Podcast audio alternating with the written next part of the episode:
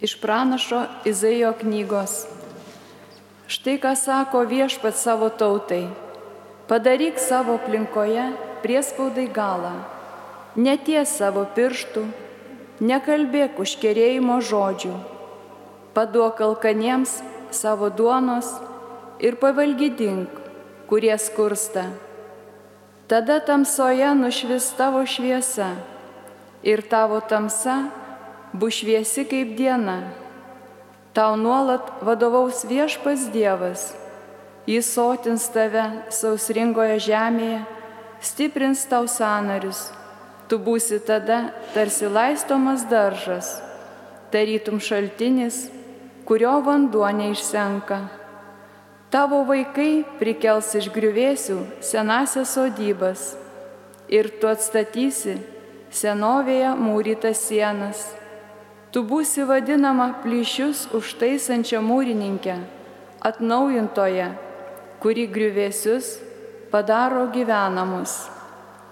Jeigu šeštadienį kojos nekelsi ir mano šventadienį darbo nedirbsi, jeigu šeštadienį vadinsi džiaugsmu ir viešpačiai pašvestą dieną garbe, jeigu ją gerbsi, jokių reikalų netvarkysi, nieko nesiversi, nevesi dėrybų, tada tavo džiaugsmas bus viešpas. Tau leisiu pakilti virš žemės aukštybių, tau leisiu gerėtis tavo tėvo Jokūbo paveldėjimu. Tikrai taip kalbėjo viešpaties lūpos. Tai Dievo žodis.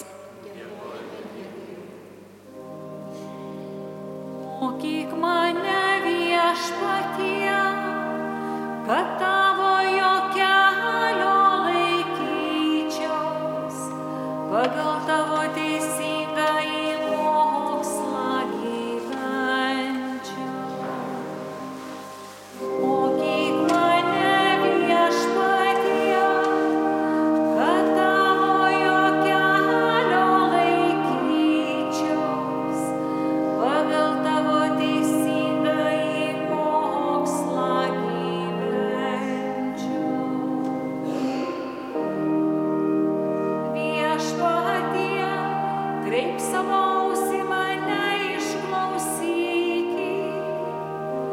aš vargšas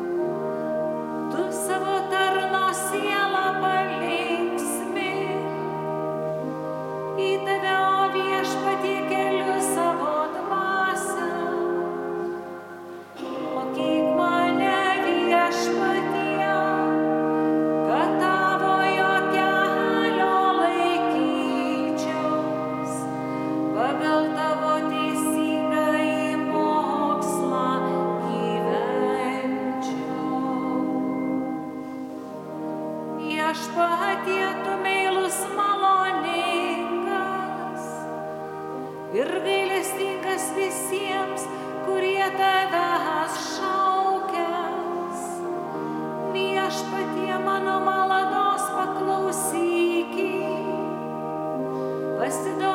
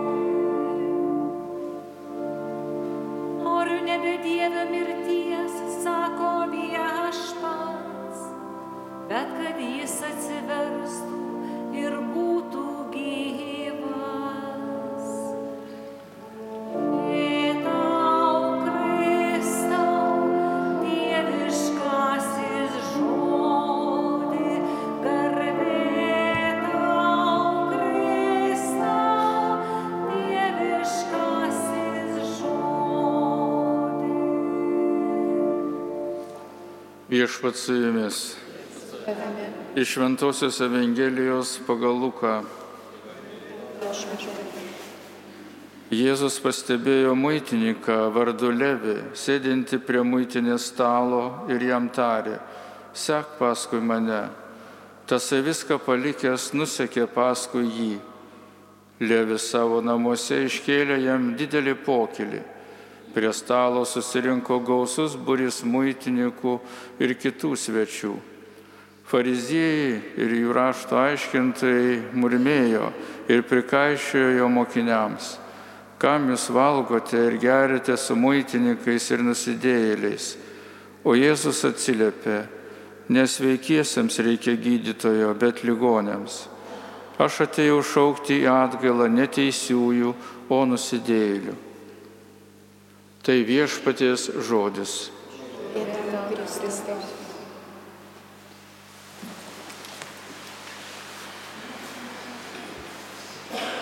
Daugelis mintinai žinome paštalo mato buvusio muitininko istoriją.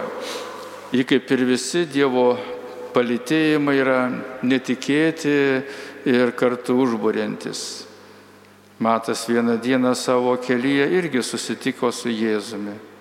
Jis gyveno Kafarnaume, nelabai didelėme, tačiau svarbiame miestelėje, kadangi jis buvo įsikūręs visai netoli kelio kuriuo dažnai iš Sirijos keliaudavo karavanai.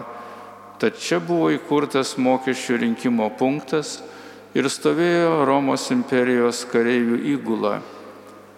Tuo metu, kai Jėzus pamokslaudamas keliavo po Tiberiados ežero pakrantėje esančius kaimus, Matas sėdėjo ant savo soliuko ir su neslėpiamu pasitenkinimu iš karavanų šeimininkų rinko kelio mokestį. Jį pamatęs Jėzus tarė, sek paskui mane. Kaip matome iš Evangelijos pasakojimo, Matas iš įkvietimą atsakė žaibiškai. Šis atsikėlė ir nuėjo paskui jį. Jis paliko viską - sąrašus, anspaudus, kapšelius su monetomis ir sužavėtas nusekė paskui šį dailydę ir pamokslininką iš Nazareto.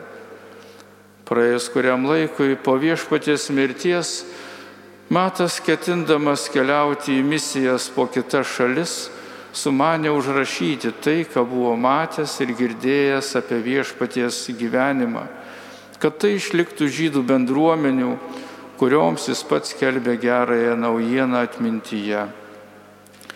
Priešingai nei kiti evangelistai, kurie jį vadina leviu, jis labiau mėgo vadintis matu, muitininku, tai yra lupikautoju, kad kaip komentuoja šventasis Jeronimas, parodytų, jog niekam nereikia prarasti vilties būti išgelbėtam. Jo evangelija baigėsi prisikėlusiojo žodžiais. Tad eikite ir padarykite mano mokiniais visų tautų žmonės, krikštydami jos vardant tėvo ir sunaus ir šventosios dvasios, mokydami laikytis visko, tik, ką tik esu jums įsakęs. Ir štai aš esu su jumis per visas dienas iki pasaulio pabaigos. Surinkęs puikų sielų derlių judėjoje, šventasis Matas išvyko skelbti tikėjimą barbariškoms ir necivilizuotoms rytų tautoms Jis iškeliavo į misijas po Etijopiją ir Persiją ir pasak kai kurių tradicijų apvainikavo savo gyvenimą kankinystę. Kardinolas Juozas Audris Baškis viename, e, vienoje homilijoje kalbėjo, teisingi santykiai su Dievu visų pirma grindžiami tiesa, kuri yra prigimtinė kiekvieno Dievo kūrinio dalis. Negalime paneigti šios tiesos ar jos iškreipti. Žmogaus orumas ir jo didybė priklauso nuo autentiško savo tapatumo suvokimo. Kas yra žmogus? Ką reiškia šeima? Į tai galime atsakyti tik atkūrę santykių su Dievu tvarkai, kaip rašo popiežius Benediktas XVI. Įsiklausykime į mums skirtą Jono Pauliaus antrojo perspėjimą. demokratinėms santvarkoms grėsintis pavojus tapti tam tikrą sistemą taisyklių, nepakankamai įsišaknyjusių vertybėse, kurių negalima atsisakyti, nes jos įdėktos į pačią žmogaus esmę. Jos turi būti kiekvieno sambuvio pagrindas ir jokia dauguma negali jų atmesti, nesukėlusi žmogui ir visuomeniai pragaištingų pasiekmių. Pasaulio istorija daug kartų įrodė, kad net galingiausios valstybės, apleidusios moralę ir paneigusios prigimtinės nuostatas, subyra. Nėra didesnio džiaugsmo ir laimės nei ta, kai žmogaus gyvenimas tampa suvienytas su Dievu. Nėra didesnės laisvės kaip nuodėmingos praeities pripažinimas ir atgaila už ją, nes to dėka įžengėme į naują pasaulį Dievo tiesoje ir malonėje. Tuomet visa, ką darome, yra kupina gėrio. Taip gyvenantis žmogus yra neįkainojama dovana bažnyčiai ir tėviniai.